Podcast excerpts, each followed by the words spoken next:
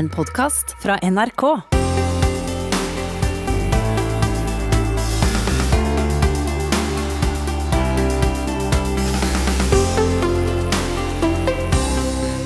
Velkommen til debatt i P2. Hvis du er fast P2-lytter, så lurer du kanskje på hvor Ekko nå har blitt av denne formiddagen. Da kan jeg fortelle deg at vi i Norsk utenrikspolitisk institutt, NUPI, har fått vikariere for Ekko i dag. Vi ser nærmere på Norge i verden, og i dag skal vi bl.a. se på hvordan ekstremisme oppstår, og hvordan terroren rammer. Men først skal vi til Midtøsten. For det er ti år siden den tunisiske grønnsakshandleren Mohammed Bouzazi tente på seg selv og døde i protest mot styresmaktene. Mange kjente seg igjen i Bouzazis livssituasjon, og etter hvert spredte opprøret seg over landegrensene og veltet ut i Midtøsten. Mitt navn er Rikke Agrup, og i denne første timen av Debatt i P2 har jeg fått besøk av to av Norges fremste Midtøsten-forskere. Velkommen hit, seniorforsker Kjetil Selvik og seniorforsker og tidligere direktør i NUPI, Sverre Loddgaard. Takk. Um, dere, for mange er Midtøsten et puslespill av konflikter og stormaktsinteresser.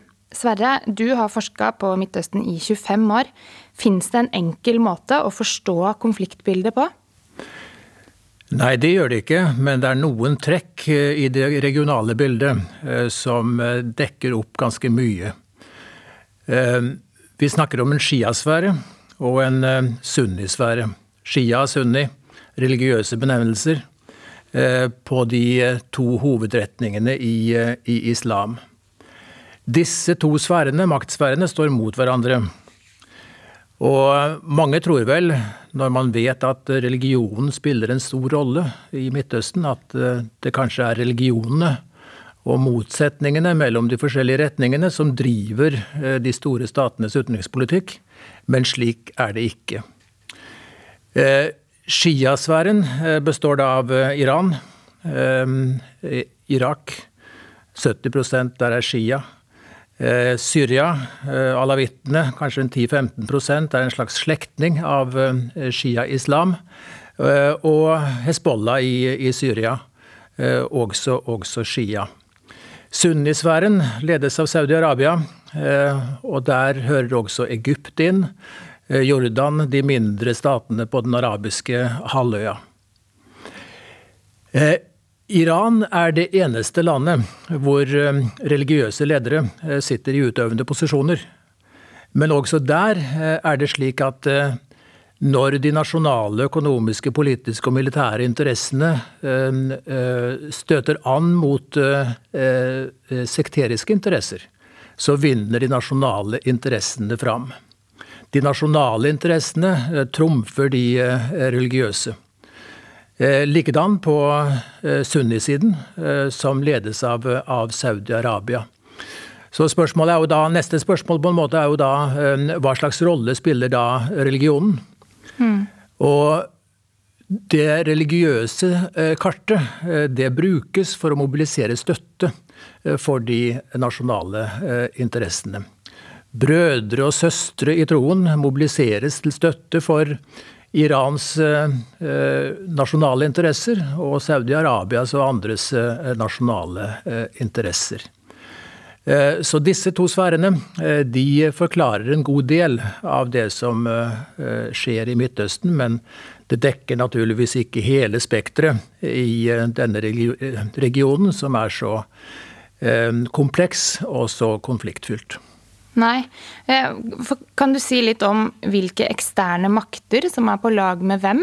For det er jo også en del av dette. Iran har et eh, strategisk partnerskap med, med Russland. Nå er det noen skeptiske understrømmer i det iranske samfunnet eh, mot Russland. Tsaren kappet land.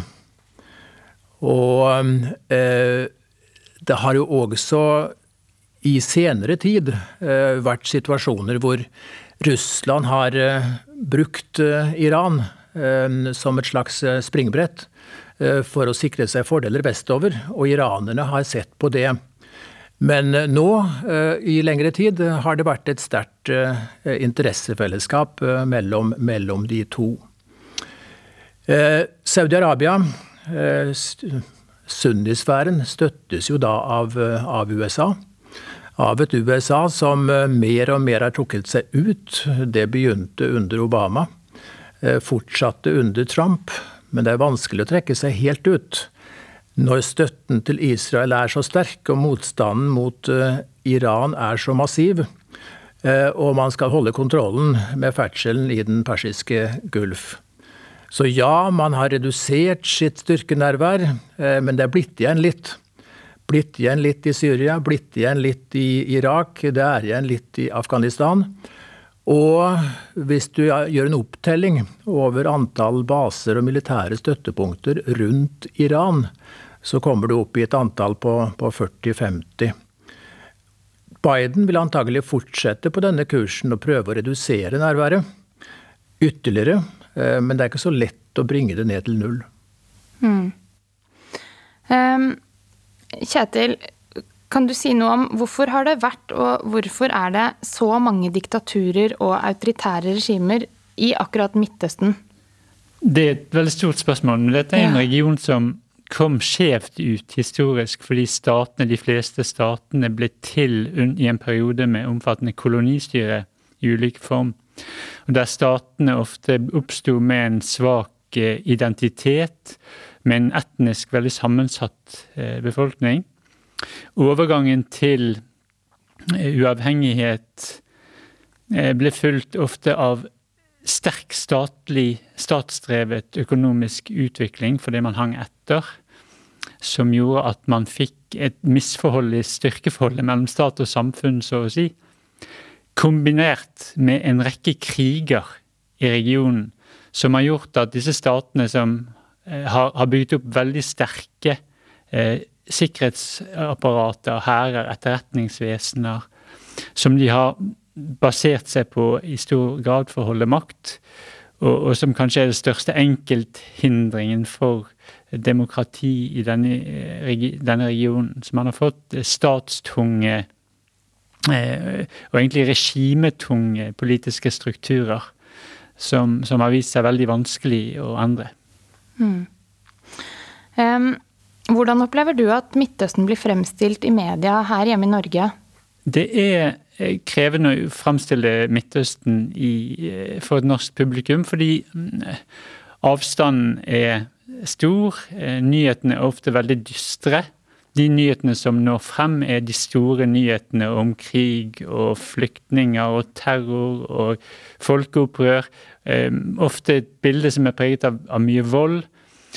Eh, og det er jo Vi har jo mye nyheter fra USA også som, som kan være dystre, men i forhold til USA så er det sånn at de fleste nordmenn sitter med en helt annen referanseramme. De kjenner dette landet gjennom filmer eller personlige kontakter eller populærkultur. Så de vet at dette er en del av bildet, men de vet også at det finnes masse mennesker som står som lever helt vanlig liv, og som, som de kan leve seg inn i. Jeg tror I Midtøsten så mangler man ofte den eh, broen som gjør at man skjønner eh, hvordan det er å bo i disse landene. Og man sitter igjen med overskriftene som i det store og det hele er veldig dramatiske.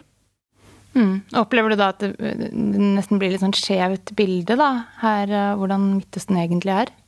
Ja, det er klart at man får i hvert fall ikke fram hele bildet. Og det blir det dramatiske, voldelige bildet som, som man sitter igjen med. Og man ser i veldig liten grad enkeltmenneskene og, og, og vanlige liv.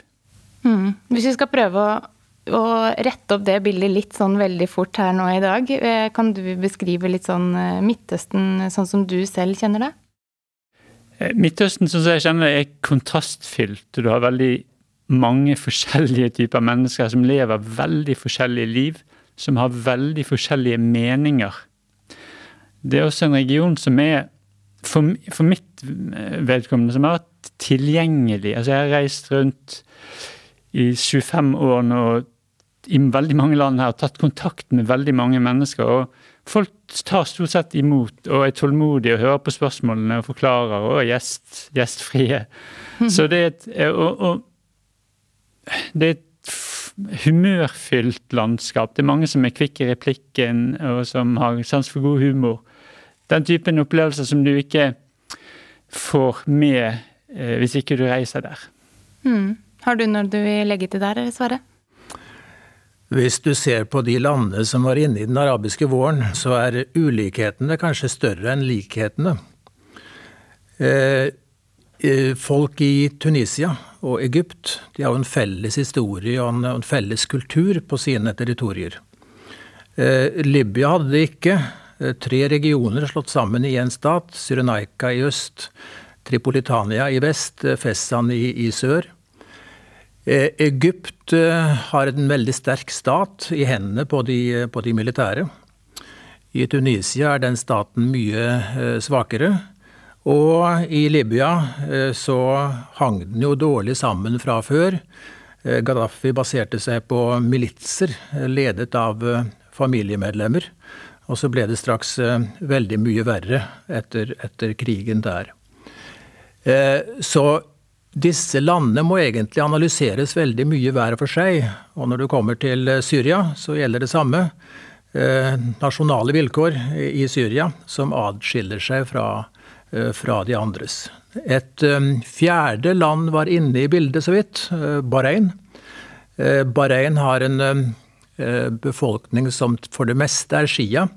styret er, er sunni, altså på saudi-arabisk side. Ehm, der ble det altså noe uroligheter eh, som Saudi-Arabia ordnet opp i ved å sette inn litt militærmakt.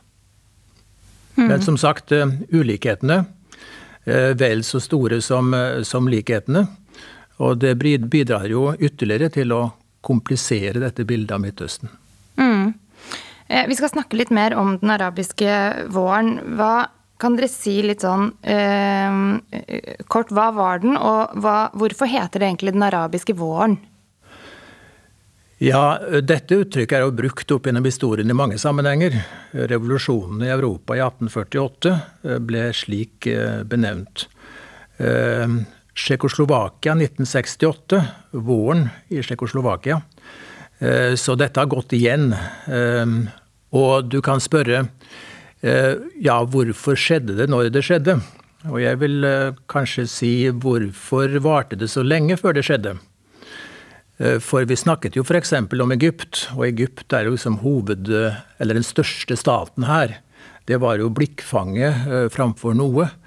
Vi omtalte Egypt en god stund før det faktisk skjedde, som en trykkoker. Og det skulle altså en gnist til. Boazizi, som du nevnte, satte fyr på seg selv. Ehm, og på en måte startet det da i, i Tunisia. Det tror jeg ikke så mange ville gjettet, at det skulle starte noe slikt der. Vi var klar over situasjonen i Egypt, men Tunisia hadde vi kanskje ikke tatt inn over oss i, i samme grad. Og så eh, spredte det seg altså. De hadde til felles eh, diktatorer som hadde sittet i flere, i flere tiår. Mm. Da har vi lært litt om Midtøsten og hva som førte til starten på den arabiske våren for ti år siden. Men hvordan var det å leve oppi den situasjonen? Nå skal vi snakke litt med en som eh, gjorde nettopp det. Seina Bali vokste opp i Syria og var en del av opprøret som startet der i 2011.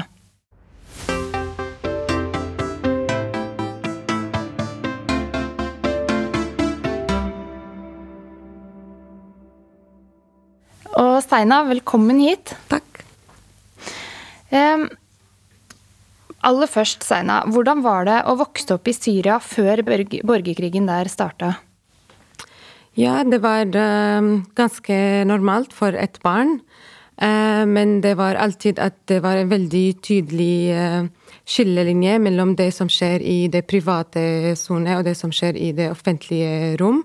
Så det var alltid veldig klart for oss som barn at det som vi snakker om hjemme, særlig når det gjelder Eh, politikk eller regime eller presidenter er noe som vi ikke kan ta med, eh, med oss eh, ute til skole eller til andre venner eller noe som vi ikke kan diskutere. Så det var så mye f.eks. vitser som vi snakker om hjemme, som vi ikke kan snakke om ute. Og det var også en veldig veldig kjent begrep som vi har i Syria, som sier at veggene har ørene. Så vi hadde denne følelse at vi er overvåknet hele tida, og at vi kan ikke stole på hverandre, vi kan ikke stole på venner på skole osv. Så, videre. så ja, det var veldig Sattel, eller ikke sattel, men det var ja, en følelse som var med oss hele tida, at det er en Eller et autoritært regime. Er det den følelsen, er det noe du husker fra du var barn også, eller når begynte, man, begynte du å kjenne på Jeg husker det veldig godt da jeg var barn, og da Hafez al-Assad døde. Det var 2000. Faren til Bashar al-Assad, som er president i dag. Eh, jeg husker det veldig godt, at vi var veldig redde. Jeg var ti år gammel eh, da det, det skjedde, og jeg husker veldig godt at faren min gikk ut, og han har kjøpt så mye brød fordi vi var redde at noe vil skje i landet. Og jeg husker veldig godt at vi snakker ikke på telefonen om det som skjedde. Vi snakker ikke at noen har dødd. Jeg husker at uh, broren min var på besøk hos uh, bestemor da vi fikk høre nyheter at Hafez al-Assad døde.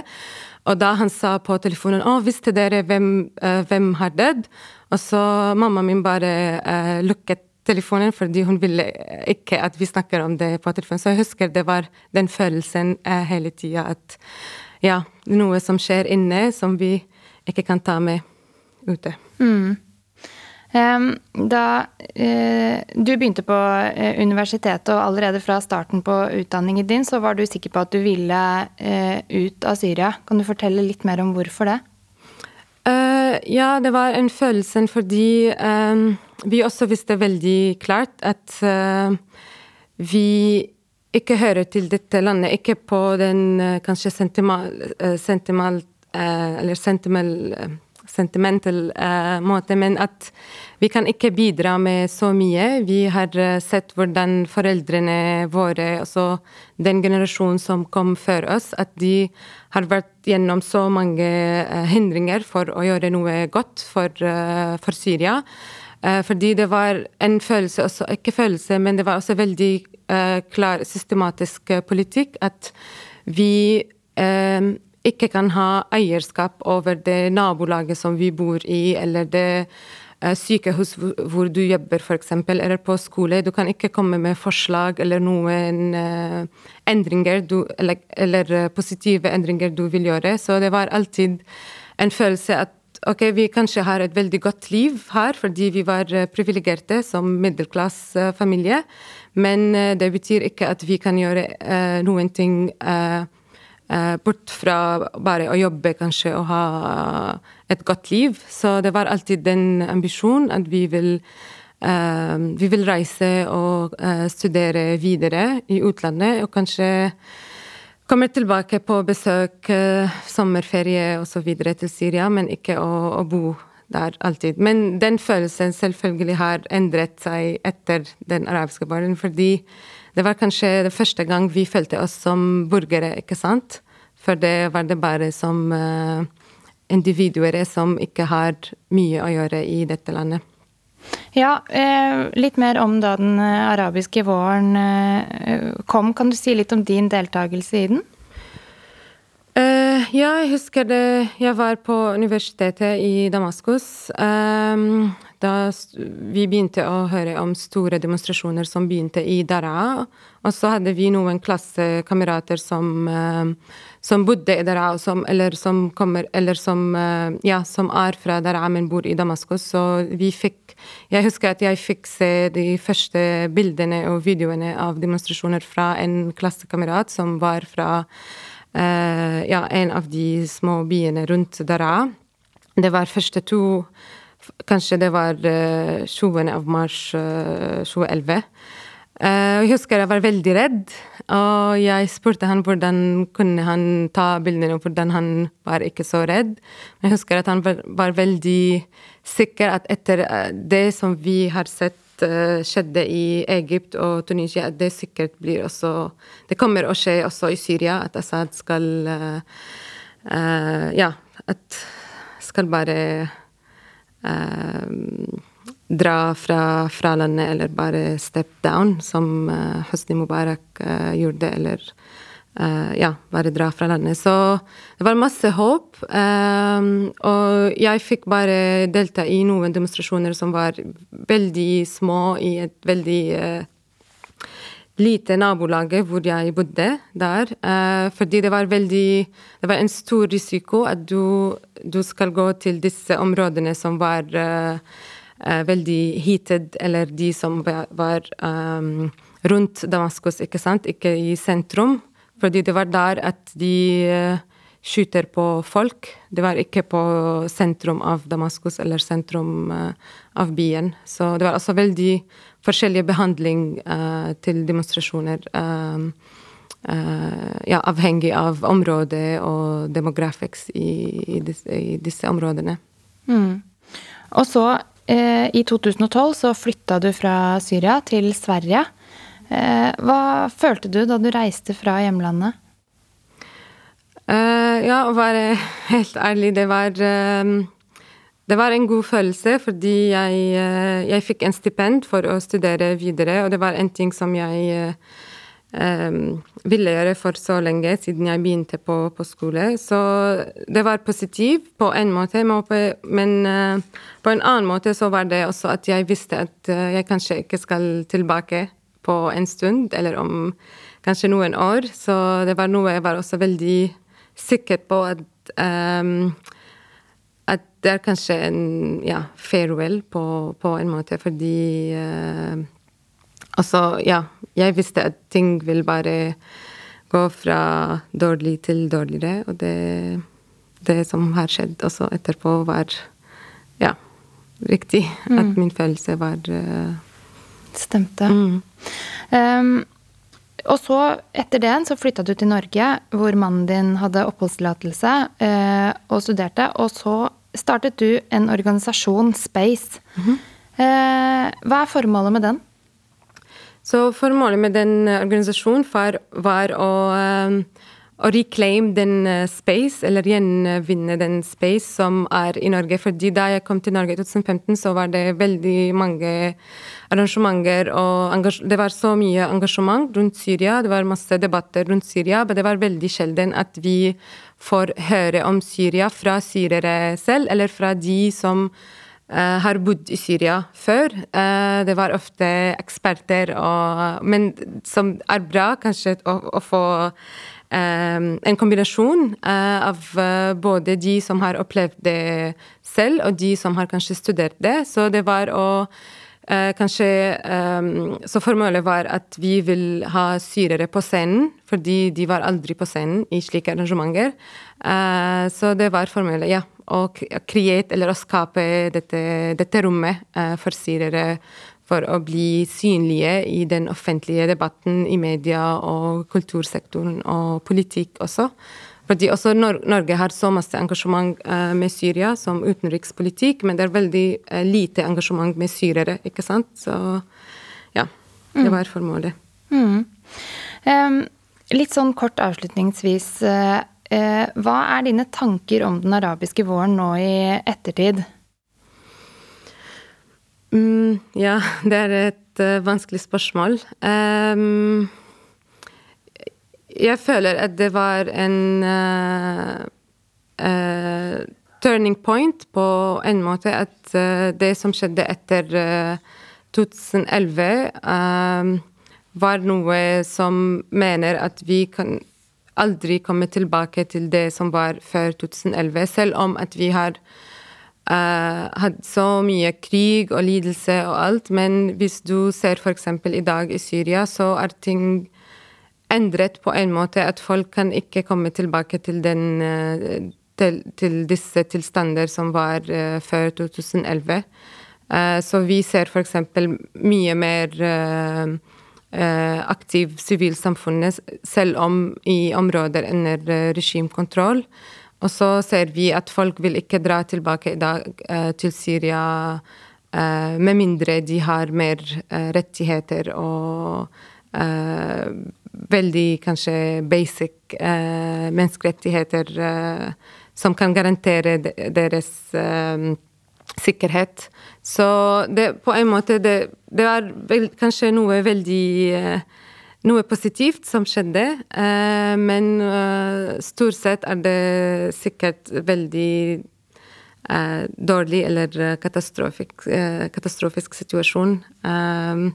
så jeg vet ikke. Det var bare at kanskje dette håpet og aktivismen som vi fikk med oss i 2011, er noe som vi også tar med oss i dag her i eksil i Norge. Og i, hvis du også ser på den arabiske diaspora i Berlin eller uh, Paris eller London, så finnes det kanskje håp eh, fremdeles, eh, på en måte.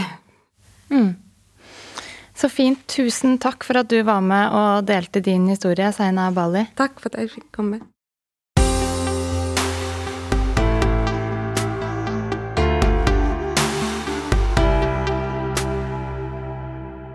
Det er den mest utrolige folkefesten jeg har vært vitne til noen gang. Det eksploderte virkelig i dette folkehavet. Folk begynte å synge og danse.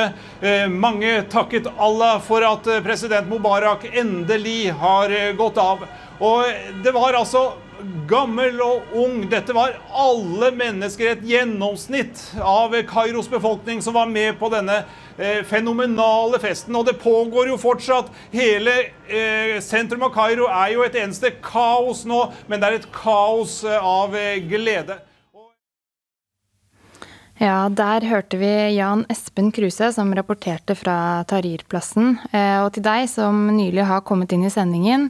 Dette er NRK P2, og i dag er det Norsk utenrikspolitisk institutt som får lage debatt i P2 her på kanalen. Mitt navn det er Rikke Agrup, og i dag snakker vi om den arabiske våren, som kunne være starten på en ny demokratisk æra i Midtøsten. Men ble det egentlig sånn?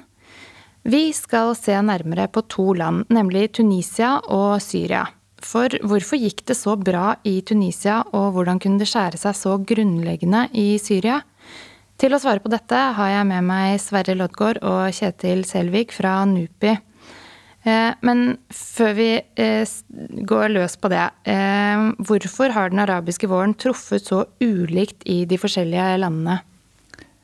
Jeg tror vi kan se på landene selv, hvordan de er bygd opp, hvordan samfunnene er, hvordan regimene i disse landene er. Det er viktig.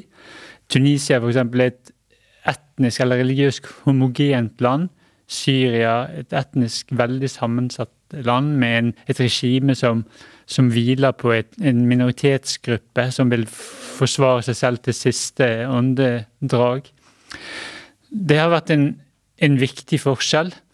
Men en annen like viktig forskjell har vært hvordan det internasjonale samfunnet og stormakter har intervenert i de ulike eh, situasjonene. Tunisias store lykke var at det landet fikk være i fred og fikk eh, drive sin egen revolusjon uten at for mange eksterne aktører kastet seg inn. Men Syria har jo vært den rake motsetningen, der eh, all verdens regionale og internasjonale aktører har kastet seg inn og etter hvert blitt engasjert i en, i en stedfortrederkrig i landet.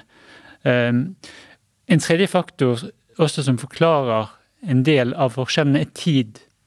Fordi Tunisia var først ute og hadde en slags eh, fordel av et overraskelsesmoment. Mens eh, eh, altså regimene ble tatt på sengen. Benali ble tatt på sengen. Eh, men etter hvert som dette spredde seg da fra land til land i, i Midtøsten, så eh, gjorde eh, lederne andre, så andre lederne i andre land til Eh, hva som hadde skjedd i regionen, og lærte hvordan de best kunne overleve dette, og gjorde det som måtte til. Og ofte var det som måtte til, å eh, undertrykke radikalt og eh, nådeløst. Ja, men er, er Tunisia en, suksess, en solskinnshistorie? Sett fra utsiden så tror jeg absolutt det. Det er helt utrolig hvordan at dette landet er på en i fortsatt eh, altså Nå regnes som et, et demokrati, et gryende demokrati. Men når jeg drar til Tunisia, altså sett innsiden, så er jo folk på ingen måte i en ekstase eller lykkerus. De mener jo ikke at det er noe halleluja-tilstand. De sier at ok, hva har vi fått ut av denne revolusjonen? Vel, vi har fått ytringsfrihet, det er det alle sier. Plutselig kan vi si det vi mener. Tunisia tidligere var en politistat, der du virkelig måtte passe på hva du sa. Tunisia i dag så kan du snakke åpent, og der må du fri debatt i media. Og du har valg og eh, demokratiske institusjoner. Men hverdagslivet har ikke forandret seg radikalt. Og det er særlig fordi at det er økonomien som folk tenker på, og den har ikke blitt eh, bedre. Folk eh, sliter. Eh, Tunisia har eh, hatt problemer med terrorisme, eh, som har gjort at eh, det, turismen har blitt borte. Mange av de korrupsjonsnettverkene som fantes i Tunisia før 2011, de fortsetter å eksistere. Deler av staten som var bygd opp under det gamle regimet, har ikke blitt reformert. Sikkerhetsapparatet, rettsvesenet, reform. Det har egentlig skjedd ganske lite reform etter 2011. Så det er en prosess som har startet, men som langt fra er fullendet. Mm. Den tunisiske kvartetten fikk Eh, eh, for nasjonal dialog fikk Nobels fredspris i 2015. Eh, Hvorfor fikk den det, Sverre? Fordi at denne kvartetten, som besto av fagforeningene, arbeidsgiversiden, Menneskerettighetsligaen og Advokatforeningen, de gikk inn i tunisisk politikk sommeren 2013, da partipolitikken hadde kjørt seg fast, laget en plattform eh, for eh, konsultasjoner om en ny grunnlov. Så de kom altså inn på et avgjørende tidspunkt, og den nye grunnloven den ble klubbet i begynnelsen av, av neste år. Altså etter et, etter et halvt år. Og så vidt jeg husker, 93% av den grunnlovsgivende forsamlingen stemte for den, eh, den konstitusjonen. Eh, så dette var på vegne av eh, sivilsamfunnet og Tunisia en veldig sterk innsats. Derfor fikk de prisen. Når det gikk så bra i Tunisia, så er det jo vel verdt å se grundig på forutsetningene for det. Og Kjetil var jo inne på et par momenter den geografiske beliggenheten, noen steinkast unna geopolitikken eh, lenger, lenger øst, og homogeniteten i befolkningen. 98% arabere, 99% sunni. Men viktig, avgjørende viktig, eh, var det antagelig at eh, militærvesenet var lite og ikke blandet seg inn i politikken. Dette militærvesenet har ingen interesser i tunisisk økonomi. Og da eh, Ben Ali ba dem skyte eh, på demonstrantene, eh, sa de, sa de nei. Så geografisk beliggenhet, militærvesenets art, det sterke sivilsamfunnet, homogeniteten Alt dette er viktige årsaker til at det gikk så bra. Men dette er altså den strukturelle siden, som vi gjerne benevner det. I tillegg kom naturligvis det at de nye makthaverne også visste og eh, opptre på en inkluderende måte. De trakk et skarpt skille eh, i forhold til det som hadde vært. Men det ble ikke noe yrkesforbud. Altså individer som hadde jobbet for Ben Ali, eh, kunne fortsatt delta i, i styre og stell. Og slik unngikk altså de den bommerten som amerikanerne begikk i, i Irak da de oppløste den irakiske hæren og, og Baath-partiet. Og, og likedan eh, i, i, noen andre land. Eh, så det nye styret opptrådte klokt og, og forsonlig. Og prøvde altså å, å, lage en nasjonal enhet ut av det. Uh, islamlederen, Den islamistiske lederen for Enhada-partiet, Rashid Ghanouchi, uh, var en viktig figur i den fasen. Mm. Og så eh, eh, må vi innom Syria også. Vi hadde jo nettopp besøk av Seine, som vi, Seine Seina Bali, som vi hørte eh, snakke om små demonstrasjoner mot regimet som eh, hun var med i. Hvordan kunne det eskalere eh, og gå så inderlig galt som det gjorde? Ja, vi hørte jo her en beskrivelse av et overvåkingssamfunn på vegne av en regjering som var klar til å bruke makt. Maktbruk lå vel i Assad-familiens DNA. Og den franske filosofen Tocqueville sa at et renspikka diktatur eh, lar seg opprettholde over lang, lang, lang tid. Eh, så hvorfor gikk det som det gikk i, eh, i Syria? Og jeg lurer jo på om det hadde utviklet seg slik, om det hadde tatt av, opprøret hadde tatt av i Syria, hvis det ikke hadde vært for inspirasjonen fra de andre landene som, som kom først. Man så at mye kunne utrettes der, og fikk blod på tann. Eh, men dette vet vi jo ikke. Mm. Eh, ja, Kjetil? Legge til et par faktorer. Jeg tror det at Syria ligger midt mellom Iran og Israel, har vært veldig uheldig for eh, Syria. Eller mulighetene for å få til demokratisk endring. Fordi Iran og Israel og med internasjonale stormaktsallierte har sett på dette som en, i et maktbalanseperspektiv. At det for all del ikke måtte være slik at motpartens venner fikk overtak i Syria. Og at man har måttet eh, kaste seg inn for å hindre det for enhver tid. Så det har blitt fanget i en sånn slags stormaktspolitikk. Hmm.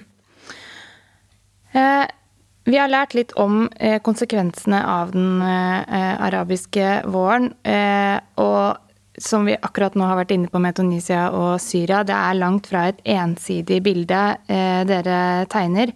Eh, kunnskapen de aller fleste her hjemme i Norge har om den arabiske våren og konsekvensen av denne, den får vi gjennom nyheter. Og da den arabiske våren startet, var det Sissel Wold som sto blant demonstrantene og rapporterte hjem til oss på norske TV-skjermer og radioer. Nå bor hun i Istanbul, og i går tok jeg en prat med henne for å høre litt om hvordan det har vært å rapportere fra disse ofte ganske dramatiske hendelsene. Sissel Wold, du dekket jo den arabiske våren for NRK. Kan du litt sånn fort forklare oss hva var det egentlig som skjedde i disse landene? Det begynte jo med grønnsaksselgeren Mohammed Bouazizi, som eh, ble ydmyket på det verste da han forsøkte å selge grønnsaker, men måtte da betale eh, bestikkelser til en politikvinne som slo han når han ikke kunne betale. Og dette viste jo hvor håpløst systemet var. Fordi folk fikk ikke jobber. De jobbene du hadde, måtte kanskje betale bestikkelser for. Og i tillegg så kunne du ikke påvirke valgene, fordi valgene var eh, rigget eller de var ikke rettferdige. Og så så du at du hadde ledere som levde i sus og dus og enorm rikdom, og folk selv fatt mer og mer ned i fattigdom og kunne ikke gjøre noe med situasjonen, nettopp fordi valgene ikke var rettferdige. Og etter hvert med internett så ser jo folk at det er jo ikke sånn eh, andre mennesker lever i andre land. Og da han satte fyr på seg selv, så var det en smerte som ga gjenlyd i hele den arabiske verden, fordi millioner lever, eh, levde under de samme korrupte lederne. Du var jo litt inne på det da, Sissel, men kanskje du kan utdype litt dette med ydmykelse. For det mener du at er et sentralt begrep når vi snakker om den arabiske våren? Absolutt. Og ydmykelse i den arabiske verden, i den muslimske verden, er uh, farlig på et vis. Fordi at folk blir så sinte og så desperate og så lei seg. Fordi det er veldig viktig med ære og stolthet uh, i kulturene her. Og når noen da blir ydmyket, Eh, så er det det verste du kan gjøre mot mennesker. Og det å ikke la folk eh, få leve slik at de kan delta i et demokrati, da det var jo det de håpet på, og ikke kunne få bestemme over sitt eget liv, mens myndighetene slår dem og ydmyker dem og liksom, gjør det håpløst for dem, det trigger jo folk. Det gjør jo folk sinte og Eh, farlige fordi at eh, de ikke ser noen annen vei ut enn å enten skade seg selv eller skade andre. Hva er det du husker best av fra den arabiske våren? Jeg husker veldig godt at folk plutselig fikk ytringsfrihet, for det hadde de jo ikke hatt før. Og da vi begynte å dekke dette i Tunisia, der hvor det først uh, fant sted, opprøret, så ville alle plutselig snakke med oss. Og ofte i de ufrie landene så er det jo vanskelig å få folk i tale. Og hvis de vil snakke, så sier de ikke det de mener. Men her stilte folk seg opp i kø for å bli intervjuet av NRK. Og etter at vi hadde intervjuet tre stykker som sa at vi vil ha frihet, vi vil ha frie valg og vi vil ha arbeid, så sa vi at nå har vi nok. Men likevel så var det ti til som sa at de ville si dette. Og så sa vi at vi trenger ikke flere intervjuer. Men de sa at vi har aldri hatt muligheten for å si uh, hva vi ville, og nå må vi få si det. Enten dere trenger disse intervjuene eller ikke, så må dere la oss få lov til å snakke. Og det var veldig, veldig sterkt. Hvordan er det nå, da, i forhold til hvordan det var da? Eh, nå har jo disse landene utviklet seg veldig forskjellig etter denne begynnende, da, håpefulle våren. Eh, men det er jo mange land her, i Tyrkia inkludert, hvor folk er redde for å si hva de virkelig mener. Så det er jo eh, Jeg tror jo at kanskje Norge er unntaket der. Vi ligger på topp av ytringsfrihetslisten, mens de fleste landene i Midtøsten ligger jo langt under midten av den listen. Starten på den arabiske våren var jo en tid preget av optimisme og håp, men forholdene på bakken var jo ofte preget av kaos eh, og ofte blodig. Hvordan opplevde du å stå midt oppi dette og rapportere hjem til Norge? Ja, da vil jeg trekke frem Libya, for der eh, utviklet jo eh, opprøret seg til en brutal borgerkrig. Og som journalister så fikk vi komme veldig, veldig tett på krigen. Eh, vi var jo i opprørsområdet i Øst-Libya. Og der fikk vi jo nærmest eh, være med på krigen om vi ville. Fikk utdelt våpen om vi ville. Vi ville jo ikke det, vi ville bare filme. Men eh, jeg husker veldig godt hvor mange døde vi så. Jeg tenkte på hvordan de ble behandlet forskjellig i døden. De som hadde dødd som martyrer, ble hyllet som martyrer. De hadde storslagne begravelser.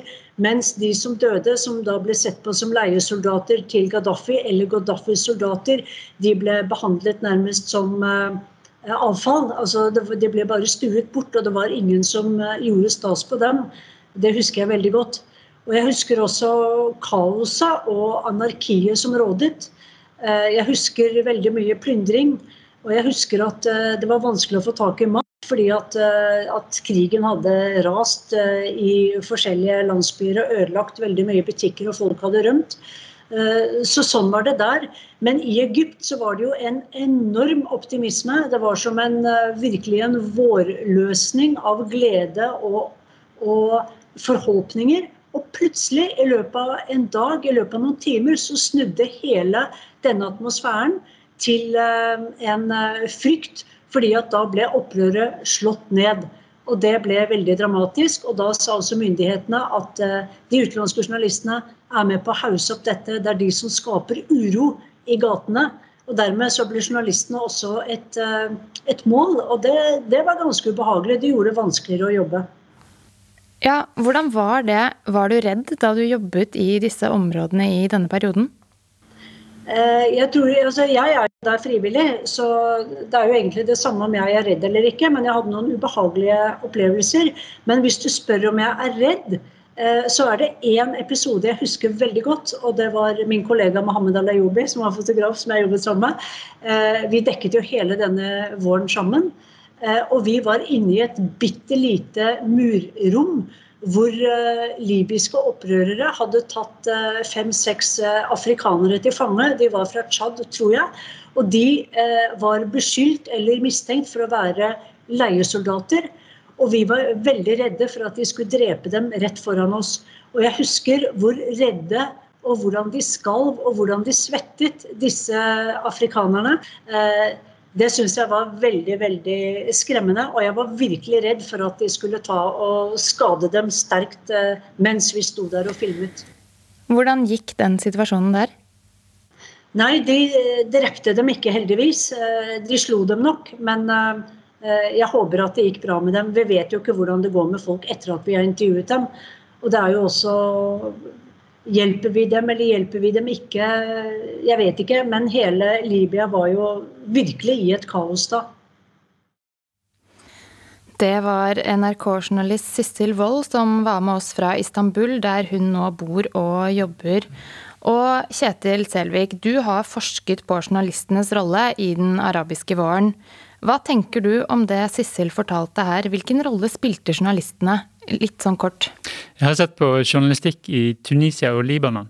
Ehm, det er Journalistikken har veldig vanskelig kår. Det er et eh, undertrykkende eh, sted. Eh, men disse to landene er de to landene som har størst grad av ytringsfrihet.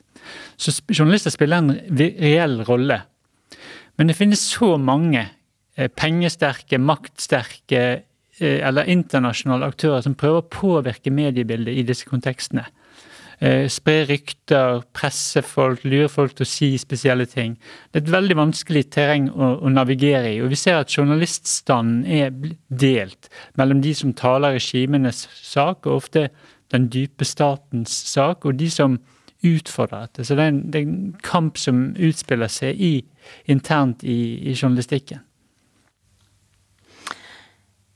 Til deg som nylig har kommet inn i sendingen, kan jeg fortelle at du hører på Debatt i P2. Mitt navn er Rikke Agrup, og denne uken er det vi i Norsk utenrikspolitisk institutt, NUPI, som har fått lage eh, radio her på kanalen. Denne timen har Kjetil Selvik og Sverre Lødgaard fortalt oss om Midtøsten og den arabiske våren, og journalist Sissel Wold har fortalt hvordan det var å rapportere fra disse historiske hendelsene. Men helt kort nå så må vi oppsummere og se litt framover. Eh, Sverre, er det blitt mer eller mindre demokrati i Midtøsten de siste ti årene? Antagelig mindre. Eh, jeg var fristet til å si omtrent det samme som før, før eh, den arabiske våren. Men i noen land eh, enda mindre, så som i, så som i Egypt. Og utsiktene framover er jo heller ikke gode. Eh, for demokratiet. For konfliktene eh, så kan man kanskje se et par små lyspunkt. Jeg drister meg til å nevne Jemen. Eh, hvis man har en konflikt som har kjørt seg fast, og det smerter for alle involverte parter, og man ser en vei ut, da ligger det ganske godt til rette for konfliktløsning. Og krigen i Jemen ser jo ut til å være ganske så fastlåst. Den smerter vil smerte enda mer for Saudi-Arabia når USA kommer til å trekke tilbake, om ikke hele, så det meste av, av støtten der. Her eh, kan man øyne eh, en, en, utgang, en slags politisk løsning. Jeg kjenner Jemen for dårlig til å si hva slags løsninger løsning det kan bli. Syria Assad, russerne og iranerne har jo vunnet den krigen. Eh, nå er Russland veldig aktivt for å stabilisere eh, Syria. Samarbeider med Israel i det sørlige Syria. Slik at iranerne ikke får etablert seg ubehagelig nære den israelske grensa. Samarbeider med Tyrkia i nord for å stabilisere landet i den, i den enden. Eh, her kan jeg se for meg en stabilisering, hva nå stabilitet betyr i dette krigsherjede landet skal nevner én ting til eh, som setter sitt preg på hele Midtøsten. Vi snakket om Russland og om USA, eh, men den største investoren i Midtøsten er jo Kina. Og Kina kommer til å markere seg enda sterkere på den økonomiske og etter hvert den politiske fronten. Ikke militært. Der er ikke Kina. Men det kan jo være til regionens fordel. For de landene som har kriget i Midtøsten i dette århundret, har jo etterlatt seg eh, stater og land i, i forferdelig eh, forfatning, eh, i, i, ruin. Og de har ikke oppnådd noe særlig. Eh, I eh, Irak og i, eh, og i Libya var det eneste de oppnådde, å fjerne diktatoren. I Afghanistan var de oppnådd der ja, hva var målsettingene, for det første? Var det å bekjempe Taliban? Var det å stabilisere landet? Var det å fremme demokrati? Var det å fremme kvinners rettigheter? Hva det nå måtte være, eh, ser ikke eh, lyst ut. Man har satt Iran under veldig press. Eh, oppnådd veldig lite. Ikke har man greid å styrte regimet, og ikke har man greid å forandre regimets politikk. Så igjen, se opp for Kina. Hvis noen skulle hjelpe med gjenoppbyggingen i det krigsherjede Syria, så måtte det kanskje være Kina. Og Kina har vært til stede der helt fra 2015. Fortsettelsen får vi bare bivåne. Se hva som skjer. Hmm. Hvis vi skal se litt mer på enkeltmenneskene, Kjetil. Frustrasjonene og den fortvilelsen som lå bak de voldsomme protestene for ti år siden, i hvilken grad lever de fortsatt? I høyeste grad. Og vi fikk jo en indikasjon på det i fjor. Da brøt det ut nye protester som lignet veldig på opprørene fra 2011 i fire land. Og fire land som ikke hadde vært så aktive i 2011 det var Algerie, Libanon, Irak og, Sudan. Som hadde en slags eh, reprise på eh, de arabiske opprørene fra 2011. Men veldig mye av de samme drivkreftene eh, Arbeidsløshet, eh, korrupsjon eh, eh, Det ble utløst av gnist av herskere som, som provoserer befolkningen, eller motsatt enkeltmennesker som trosser frykt, går ut i gatene, setter i gang bevegelser og får med seg andre. Eh, så hvis vi ser på den økonomiske utviklingen i Midtøsten, så er jo den på vei nedover. Altså dette siste året har jo vært eh, veldig vanskelig. Vi ser pandemien har en stor eh, negativ effekt i Midtøsten. Um, oljeinntektene faller, som har mye å si for økonomien i regionen. Um, samtidig så fortsetter befolkningen å øke, befolkningsvekst. Egypt uh, har jo 100 millioner mennesker. De vil ha 110 millioner mennesker om, om uh, fem år.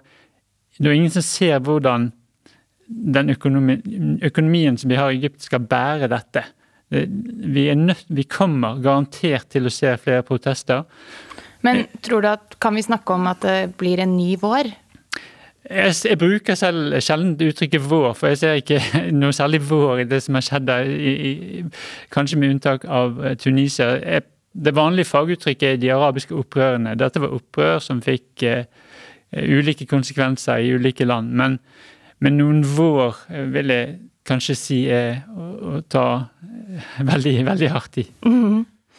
Um, hvor optimistiske er dere for fremtiden i, i Midtøsten?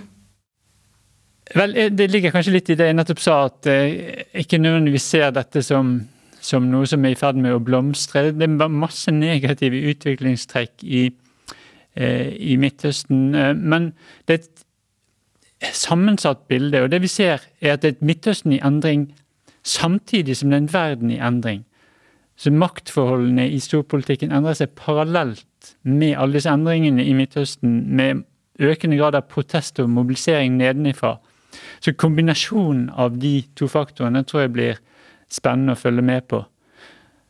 Og så tror jeg dessverre det er et klart skille mellom de landene som har brutt sammen, falt sammen, eh, brutt ut i, i borgerkrig, eh, stater som bryter ned, Eh, og de som fortsatt har blitt stående. Fordi at erfaringen fra Afrika eller Afghanistan viser at det er veldig vanskelig å bygge opp stater som har fullstendig brutt sammen. Det er utrolig vanskelig. Det er mye lettere å bryte ned en stat enn å bygge den opp.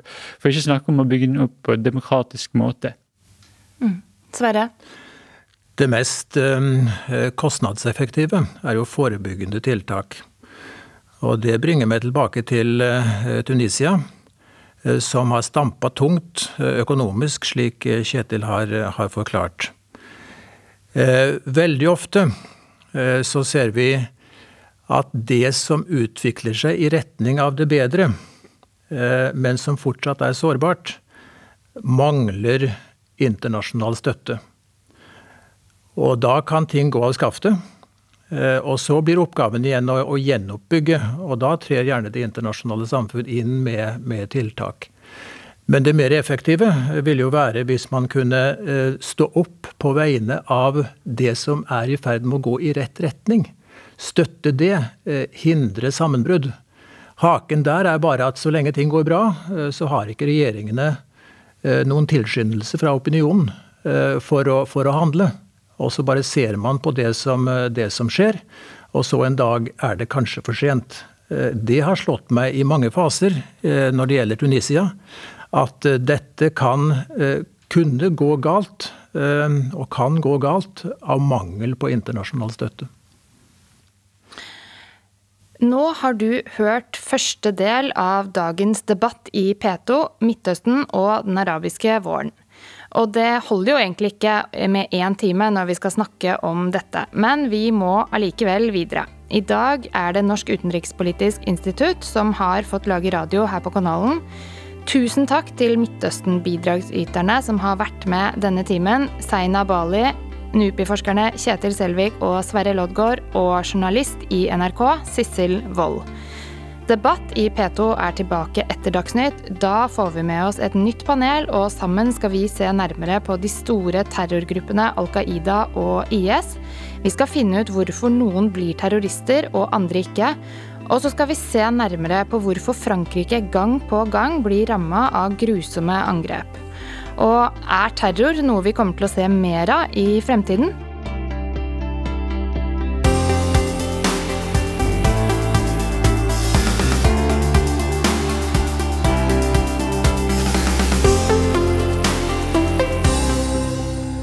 Du har hørt en podkast fra NRK. Hør flere podkaster og din NRK-kanal i appen NRK Radio.